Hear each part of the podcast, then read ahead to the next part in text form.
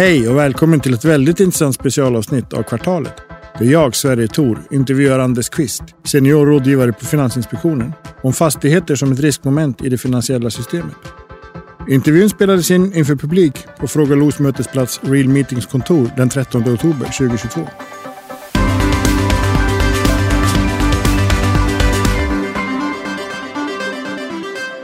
Om vi börjar med att prata finansiell stabilitet. Det är ju ett spännande ämne. Ja, och ett väldigt viktigt ämne. Ja, ja. Mm. Första gången på väldigt länge så finns det eh, vad ska man säga, orosmoln på just den fronten. Är glaset halvfullt eller halvtomt? Först kanske man ska säga någonting om vad finansiell stabilitet egentligen är. Mm. Ehm, det, I grunden handlar det om att ett, ett, vissa finansiella företag vissa finansiella företagstyper, framförallt banker, försäkringsbolag, fondbolag, värdepappersbolag, står under särskild reglering och under särskild tillsyn från Finansinspektionens sida. Därför att de är särskilt viktiga för att det finansiella systemet, de finansiella tjänsterna ska fungera för privatpersoner och, och företag. Så vårt fokus är stabiliteten i de här företagen och med särskild betoning på bankerna och då framför allt storbankerna. Mm. Så att om man betraktar det ur, ur, det perspektivet så måste man börja med att säga så här att idag så är de svenska storbankerna starka, de har god lönsamhet, de har eh, starka kapitalbaser, de har god kvalitet på sina tillgångar, sin utlåning, de har inte stora kreditrisker eller förlustrisker som hänger över dem. Så att det i den meningen är glaset definitivt halvfullt, om inte mera. Mm. Eh, och det här är ju resultatet utav det arbete som har skett sedan den globala finanskrisen 2008. Eh, dels till följd av reglering som har införts, den så kallade Basel 3-regleringen som höjer kraven på, på bankernas kapital och riskhantering och dels även bankernas egna Eh, Eh, ambitioner att liksom stärka sig och eh, skapa en sådan, en så, både en sådan intjäning och en sån kapitalisering som gör att de har god rating, har god tillgång själva till kapitalmarknaden och liksom kan, kan klara även lågkonjunkturer och, och vissa kriser. Och där är vi så att säga. Det, det, är, det, det, är, det, det är väldigt viktigt att ha med sig det budskapet när vi sen pratar, tittar på hur volatila till exempel vissa av de finansiella marknaderna är idag. Mm, mm. Men ni, ni reglerar inte eh, fastighetsbolag? Ni, det, liksom, det står inte under er Nej, det är lite, kanske också lite viktigt att ta det här tillfället i akt och, och, understryka det att ibland så verkar media tro att Finansinspektionen är någon sorts överkucku för allt finansiellt i samhället så att säga. Va? Eh, har ni, har ni, liksom, har ni, har, ni, har, har, ni har väl koll på att det inte är någon penningtvätt i eh, Handelsbanken just nu och sånt där? Och då är svaret nej, det har vi inte, utan vi har koll på att Handelsbanken efterlever de regler som styr det här. Och då när det gäller kommersiella fastighetsbolag så är ju det helt enkelt en, en viktig eh, vanlig näringslivssektor. Eh, så att den står inte under Finansinspektionens tillsyn så. Men det är klart att kommersiella fastighetsföretag är stora låntagare hos bankerna, förutom numera även på obligationsmarknaden. Så att det är indirekt viktigt för Finansinspektionen Eh, hur eh, hälsotillståndet ser ut i, i, hos, de, hos de kommersiella fastighetsbolagen. Därför att mer än, omkring 40 procent av bankernas utlåning till företag i alla branscher går just till fastighetsföretag. Så det är mm. bolån och lån till kommersiella fastighetsbolag eh, dominerar bankernas utlåning totalt sett. Så därför är det väldigt viktigt vad som händer på de marknaderna. Mm, mm. Ja, vi, vi ska prata fastigheter. Men eh, jag måste undra, om inte det som hände 2008, 2007-2008 hade hänt, hade banksystemet varit lika berett för det här som eh, idag? Eh, ibland underskattar man bankfolk. De är ju trots allt kapabla att lära sig saker och ting av sina egna misstag. Eh, och eh, jag tror att när det gäller just fastighetsutlåning så drog bankerna väldigt många eh, riktiga slutsatser utav den svenska bank och fastighetskrisen i början på 90-talet. Bland annat låna inte ut bara med fokus på eh, fastighetssäkerheternas värde fastigheternas värde utan titta även på fastighetsföretagens eh, kassaflöde, deras förmåga att tjäna pengar tillräckligt löpande för att betala räntor och amorteringar. Den lärdomen har ju bankerna haft med sig i sin kreditgivning till fastighetsbolag ända sedan låt säga mitten på 90-talet. Mm, okay. Eh, så att eh, det är inte bara de senaste årens reglering som har förstärkt eh, bankerna utan jag skulle nog säga att vi har haft väldigt lite kreditförluster i banksystemet på utlåning till kommersiella fastighetsbolag i nästan 25 år nu. Mm. Så den, det, det, är en, det är en, viktig, en viktig sak att ha med sig om man om man, om man, ja, men då och då får man frågan kan, eh, kan det som hände i början på 90-talet upprepas igen? Och då ska man naturligtvis aldrig säga eh, nej, men man ska peka på skillnaderna i bankernas kreditgivning. Mm. Så glaset är halvfullt? Ja, alltså vi har i fyra år varnat för att det finns förhöjda risker i den kommersiella fastighetssektorn som kan påverka den finansiella stabiliteten i stort. Och det har väldigt mycket att göra med hög skuldsättning och hög eh, räntekänslighet. Mm. Eh, nu efter det som har hänt i år så har vi ju upplevt en betydande ränteuppgång och en betydande utvidgning utav kreditspreadarna på obligationsmarknaden. Det är inte så lätt att låna på obligationsmarknaden idag och det är, det är väldigt dyrt. Så att vi befinner oss enligt vår bedömning eh, i ett läge där så att säga motståndskraften i den kommersiella fastighetssektorn på allvar testas. Nu är det inte bara risker och potentiella sårbarheter utan nu är vi inne i någon form av anpassningsförlopp här.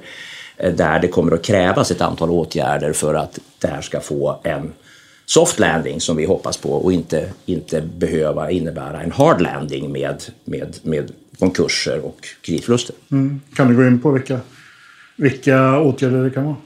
Eh, jag tror att mycket handlar om att i ordnade former ta ner skuldsättningen i sektorn som har blivit väl hög i förhållande till kassaflödet. Och det har naturligtvis att göra med att det har varit så oerhört lätt att låna pengar under så lång tid och så, och så väldigt billigt. Både, både så tillvida att de vanliga marknadsräntorna, Stibor och, och, och swapräntor och sådär har varit väldigt låga och att riskpremierna, kreditspreadarna när man lånar på obligationsmarknaden och på andra ställen har varit väldigt låga. Så att Totalt sett har skuldsättningen ökat och det vet ju ni här eh, eh väl. Eh, den har ökat väldigt mycket och det har gått ganska snabbt. Det är ju inte ens tio år som vi har haft den här kraftiga ökningen. Jag tror att vi måste eh, se en minskning av skuldsättningen och jag tror att vi kommer att se en minskning. När jag pratar om pågående anpassning så menar jag att vi är redan där så att säga. Det, Eh, och, och, och, hur gör man då när man minskar sin skuldsättning? Ja, man, man får öronmärka Ja, för det första så får man hålla igen på expansionstakten, både när det gäller förvärv och när det gäller ny, nybyggnation, nya projekt. Det sker redan, upplever jag. Eh, så att man inte använder mera av sitt kassaflöde till andra ändamål än att försöka eh, få, ner, få ner skulderna. Det andra är ju, eh, och det sker också i viss utsträckning redan, att man helt enkelt säljer av vissa tillgångar, frigör likviditet och använder likviditeten för att betala ner skulderna. Och det tredje, och där är vi väl inte riktigt än, men vi kan komma dit här, det är helt enkelt att bolagen anskaffar mera riskkapital genom nyemissioner, stärker sina kapitalbaser och använder de pengarna till att betala ner sina skulder.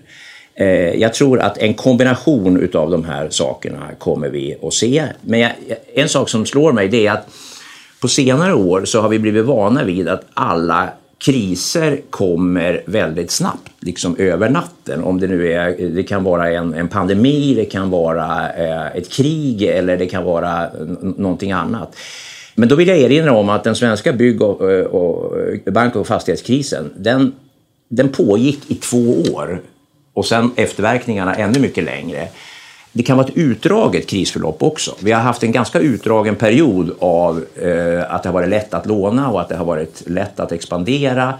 Och nu har vi så att säga bytt akt i den här teaterföreställningen och nu händer det, nu händer det någonting annat. Nu måste vi liksom successivt ta oss ur de värsta, de värsta excesserna utav, utav skuldsättning. Och det, det, det kommer, att ta, det kommer att, ta tid, men, men det är nog lika bra att sätta igång med det Eh, för, eh, både för den finansiella stabilitetens skull men även för de enskilda företagens överlevnad. Och, mm. så jag, jag, tror, att, jag tror liksom att det, det, är på gång och det kommer att ske mer av den här typen av åtgärder som handlar om att lite mer anpassa sig till eh, Eh, nya realiteter när det gäller räntor och kreditspreadar. Okay. Du nämner ju eh, att, att eh, fastighetssektorn är ju väldigt... Ni har ju haft ögonen på den rätt länge.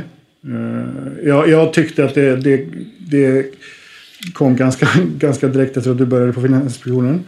Eh, du, du nämner att, att fastighets, fastigheter och bostäder, eh, alltså privatbostäder, står ju för ja, en, en ganska stor del av bankernas och, och kapitalmarknadens utlåning. Så det utgör ju uppenbarligen en systemrisk. Eh, alltså om, om den här sektorn kraschar, det vet vi ju, det har vi lärt oss tidigare. Alla kriser börjar i fastighetsbranschen. Eh, kan ni gå in och säga nu måste... Ni gjorde ju en, en, en sån åtgärd 2015 med riskvikterna. När ni liksom sa nu måste ni justera upp riskvikterna mot fastighetsbolag. Kan ni liksom tvinga fram åtgärder? Eller är det, skulle det vara liksom kasta in en fackla i, i en, i en pöl av bensin? Det där är en väldigt bra fråga därför att om myndigheter eller banker är för restriktiva i ett läge där det måste ske en anpassning och där lite nya krediter måste vara smörjmedel för att den här anpassningen ska kunna gå till. Ja, då, det ska jag säga, det, det, det vore ett misstag. Eh, då, då, då, kan det bli en, mera av en hard landing än vad som är nödvändigt. Mm. Så vår utgångspunkt, jag vet inte om ni kommer ihåg det, men, men under pandemin för ett par år sedan, då tog ju vi bort det, det så kallade kontracykliska kapitalbuffertkravet på bankerna. Vi sänkte helt enkelt hur mycket kapital de måste ha. Varför det? Jo, därför att de inte skulle känna sig begränsade i ett väldigt osäkert läge och att de skulle kunna upprätthålla sin utlåning och möta kreditbehov hos både, både privatpersoner och företag. Och, och, det var faktiskt en hel del fastighetsföretag som då, våren 2020, behövde låna och fick låna. Så att, eh, vår, vår uppgift är inte att springa runt och liksom bara införa restriktioner och varna och puffa, puffa för, eh, för eh, liksom hårdare tag. Däremot så jobbar vi ju eh, så att säga i goda tider helst innan, innan krisen är på gång med hela tiden med att mana till ökad motståndskraft. Att till exempel inte bankerna under pandemin lämnar aktieutdelning i, i onödan eh, utan hamstrar kapital för att kunna stå pall om det, blir större, om det skulle bli större kreditförluster. Och som du var inne på, vi har höjt kapitalkraven på utlåning till fastighetsbolag de senaste åren mot bakgrund av att bankerna, det kapital bankerna hade lagt undan för riskerna i utlåningen var väl lite, väl lågt. Vilket i sin tur var baserat på att de inte hade haft några kreditförluster under, under väldigt många år. Och då går vi in och bara säger att nej men så här lite kapital är orimligt att lägga, lägga undan. Ni måste lägga undan mer kapital därför att i en kris med kraft, till exempel kraftigt stigande räntor eh, eller en kraftigt fallande tillväxt och därmed negativa effekter på hyresintäkterna, då kan det uppstå väldigt betydande kreditförluster. Och då gjorde vi liksom seriöst specifikt kreditstresstestarbete för att visa, visa att så kan ske och att i så fall det kapital bankerna hade lagt undan faktiskt inte räckte för de förluster som bankerna då skulle kunna få. Därför höjde vi de här riskviktsgolven. Att idag höja riskviktsgolven ytterligare skulle troligen vara kontraproduktivt för då är vi tillbaka till att då skulle det, bli, det skulle kunna föranleda att bankerna blev njuggare i att låna ut. Men just nu i det här anpassningsförloppet som jag talade om för en liten stund sedan så måste en del av obligationsmarknadsfinansieringen lyftas in i banksystemet samtidigt med att de här andra åtgärderna sker, vissa tillgångsförsäljningar, vissa nyemissioner och sånt där. Men det är precis just av det här skälet som banker måste vara stabila i alla lägen för de har en sån otroligt central funktion att fylla när det gäller att upp, hålla igång kreditförsörjningen. Det blir extremt tydligt när obligationsmarknaden väldigt snabbt går från att vara oerhört tillgänglig och billig till att vara precis raka motsatsen. Mm. Så därför är det jätteviktigt att bankerna upprätthåller sin utlåning och tar tar in en hel del av obligationsfinansieringen från fastighetsbolagen in i, i, i, sin egen balansräkning. Samtidigt måste de naturligtvis göra det på ett mycket prudent sätt. Va? De måste ta bra säkerheter, de måste ha Eh, skriva kreditavtal med, med bolagen som gör att eh, bankerna har ordentliga finansiella åtaganden, financial covenants, viktiga nyckeltal som bolagen ska upprätthålla. Bankerna kanske ska kräva lite mer eget kapital i bolagen bara för att låna ut lite mer. Alltså den typen av vanlig sund banking eh, måste, måste till. Men det är väldigt mycket bättre att bankerna lånar ut pengar i det här läget än att de stänger shoppen. Mm. Om man vänder på frågan, kan, de, kan ni sänka riskviktsgolven?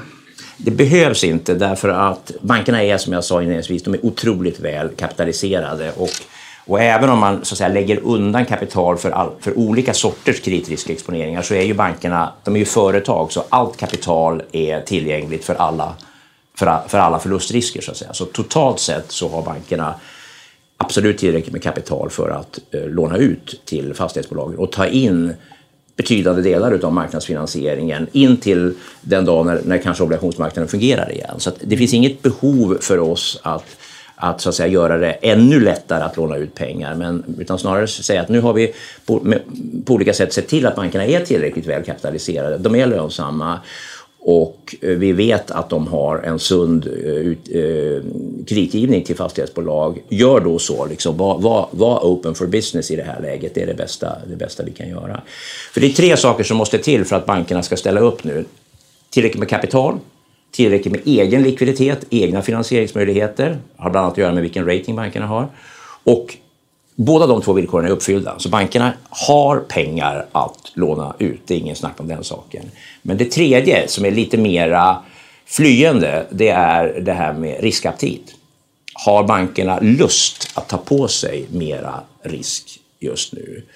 Och det där är mycket mer psykologiskt och sentimentstyrt och så. Och, och, och därför är det viktigt att vi så att säga inte hamnar, att vi, vi får i det här läget inte kommunicera, kommunicera allt för restriktivt utan vi måste liksom begära av bankerna, som jag var inne på, att fortsätt att vara öppna och lämna, lämna krediter men gör, gör det på ett sunt sätt. Det, det, det, kommer alla att tjäna på i, i längden. Då undviker vi eh, de värsta scenarierna som skulle kunna påminna om eh, eh krisen i början på 90-talet. Riskaptit är en sak, men eh, kan det finnas en, en, en institution där bankerna måste låna ut för att de, alltså sektorn har blivit too big to fail, som blev ju ett väldigt allmänt begrepp här på, för 10 år sedan, eller 15. Alltså att om de inte lånar ut, om de inte tar in vissa fastighetsbolag i sina böcker så, så kommer de förlora mer pengar. Men då skulle jag säga att då, det är en individuell eh, kreditbedömning från fall till fall som i så fall skulle ske. Alltså det man ska inte använda uttrycket too big to fail eh, sådär eh, borslöst, utan eh, det, det, det gäller i första hand banker. Och nu har vi inte bara högre kapitalkrav och högre likviditetskrav med mer, utan vi har också en särskild resolutionsordning som gör att om en bank skulle gå omkull så kan, så kan vi i ordnade former lösa det. Men andra företag, alltså Volvo är inte too big to fail utifrån så att säga ett, ett samhällsperspektiv och det är inte heller ett stort fastighetsbolag. Mm. Mm. Eh, men däremot, och det vet ju varje, varje erfaren bankman, att ibland så måste man låna ut mera pengar för att undvika en kreditförlust om ett bolag är i, i svårigheter. Men det betyder inte att varje nyutlåning till bolag som har problem är, är, är liksom bra, utan det måste, som jag var inne på, det måste genomföras på ett väldigt sunt och konservativt sätt med, mot goda säkerheter och goda åtaganden och sånt där. Eh, men, men eh, jag tror att det här ska vi överlåta till bankerna att göra. De signalerar ju att att de tänker ställa upp för sina relationskunder. Mm, mm. Och det tror jag inte är fagert tal bara, utan det, de menar det på, på allvar. Eh, eh, eh det finns ju många exempel på bolag som fick hjälp av sina banker under, finanskris, under den, den svenska finanskrisen och då, som inte glömmer det naturligtvis, att bankerna ställde upp där. Och några har, gjorde dåliga erfarenheter och, och då, det kommer man också ihåg så att säga. Så bankerna har en st stort skäl till att, eh, att ställa upp för sina, för sina kunder. Men som sagt, det måste ske i ordnade former och, och med, med, med sund kreditgivning. Men, men jag tycker vi ska, liksom, vi, ska, vi ska titta på den möjligheten. Vi ska ha den i blickfånget och låta bankerna göra sitt jobb. Kan ni, kan ni påverka, kan ni liksom sätta hårdare krav för hur man, hur man gör sin riskbedömning? Eh, förutom eh, liksom bara vikterna. Att eh, ett bolag liksom som, där ägaren är högt belånad kan, kan få tuffare krav på sig? Men återigen, alltså, det, det, vi mikromanagerar inte finansiella företag, som jag var inne på inledningsvis. Eh, det ska vi inte göra, utan vi ska skapa eh, ramförutsättningar för att finansiella företag eh, på eget bevåg och efter eget huvud agerar sunt. Sen har vi en väldigt, väldigt kontinuerlig dialog med alla bankerna där vi liksom efterhör, inte bara hur det går för dem med, med, med resultat och kreditkvalitet och så, utan hur de också ser på sina risker och hur de ser på kreditefterfrågan, hur villiga de är att ställa upp och så där. Så vi följer den utvecklingen väldigt, väldigt eh, nära i, i, i, i, i löpande dialoger. Men vi går inte in och säger att ni borde låna ut till den, eh, till dem och dem därför att annars så kan den finansiella stabiliteten hotas. Det, det finns liksom inte underlag för den typen av råd eller krav från vår sida. Det är, det är helt enkelt inte vårt jobb utan vårt jobb är att se till att bankerna klarar av att göra det här själva så att säga. Att de har tillräckligt, eh, att de har den finansiella styrkan att de har processerna, att de har kreditkulturen att göra det här på ett bra mm. sätt. Och där, där är vi liksom egentligen inte oroliga, även om vi följer utvecklingen väldigt noga. Okay. Tiden springer ifrån oss, men jag har ett par frågor. Eh, det har ju pratats om att, eh, alltså det du nämnde innan, det, det är ganska stängt på, på kapitalmarknaden, eller penningmarknaden, obligationssidan. Det var det också för två år sedan, i början av 2020, men det löste sig ganska snabbt. Vad, vad är skillnaden då och nu? Ja, men det är väl just det att då, då har vi en sån här eh, eventrisk. Alltså det händer någonting helt oväntat och det skapas en fullständigt genuin osäkerhet om de ekonomiska konsekvenserna i olika avseenden. Riskbenägenheten går momentant ner i källaren hos alla aktörer på den finansiella marknaden. Det vi nu har är en tillnyktring från ett antal år av bonanza med väldigt, väldigt god tillgång på, på lån och väldigt låga lånekostnader. Nu går vi mot någonting som är mera normalt i ett historiskt perspektiv. Alltså att både styrräntor och långa räntor är, inte är noll eller negativa och att, eh, att också man som obligationsinnehavare ska kunna få bättre betalt för att ta risk att låna ut till företag utav, låt oss kalla det för medelgod eh, kredit, kreditkvalitet, trippel, trippel B-rating eller så. Så att det vi har nu ska man nog inte betta på är ett event som kommer att gå över om det till exempel blir fred i Ukraina eller något sånt där. Utan, utan vi, har, vi är inne nu i ett långsiktigt anpassningsförlopp. Centralbankerna har gått ifrån att tillföra mycket likviditet och skapar, skapar den här, eh, de här förutsättningarna som har varit väldigt gynnsamma för lånefinansiering till att, för att bekämpa inflationen, snarare dra in likviditet och höja styrräntorna. Och då skulle jag säga face the music. Alltså anpassa er till det. Det gäller liksom alla aktörer det vore, det vore farligt tror jag att hoppas på att det här går snabbt över och att centralbankerna till exempel byter ben eller att staten går in och räddar eh, eh, olika sektorer. Det är inte en klok politik. Mm. Du nämnde eventrisk. En eventrisk är ju att man löper ut tiden. Vi, ja, har, vi är på väg dit. Men, men eh, eh, du, som jag nämnde i början, du kommer ju från bankvärlden. Head of Treasury på SEB var det väl innan du började på Kungsleden. Mm. Så du har jobbat med kapitalanskaffning på bank och i slutändan är, det väl där som man kan reglera, eller det som avgör eh, vad bankerna kan låna ut till till, till exempel fastighetsbolag. Hur stor är risken att, att eh, det som kallas för eh, grossistkapital eller wholesale funding på engelska liksom torkar upp? bankerna lånar en hel del pengar själva på kapitalmarknaden. Så att deras tillgång till den finansieringen måste man också följa väldigt, väldigt löpande. Men under senare år har deras inlåning ökat väldigt, väldigt starkt så att beroendet av eh, upplåning på, på svenska och internationella kapitalmarknader är mindre än den var tidigare.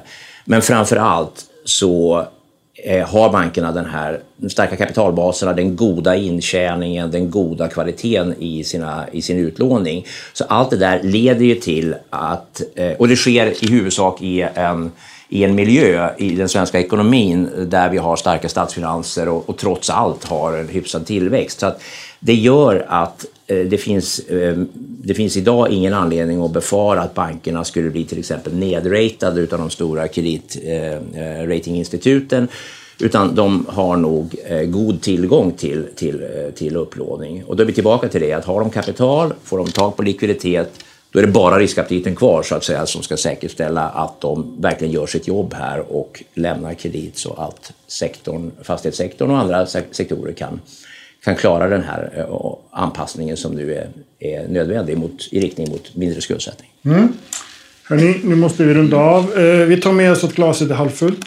Och det gillar vi. Jag är också hellre full än tom. Så att, eh, tack Anders. Tack så mycket.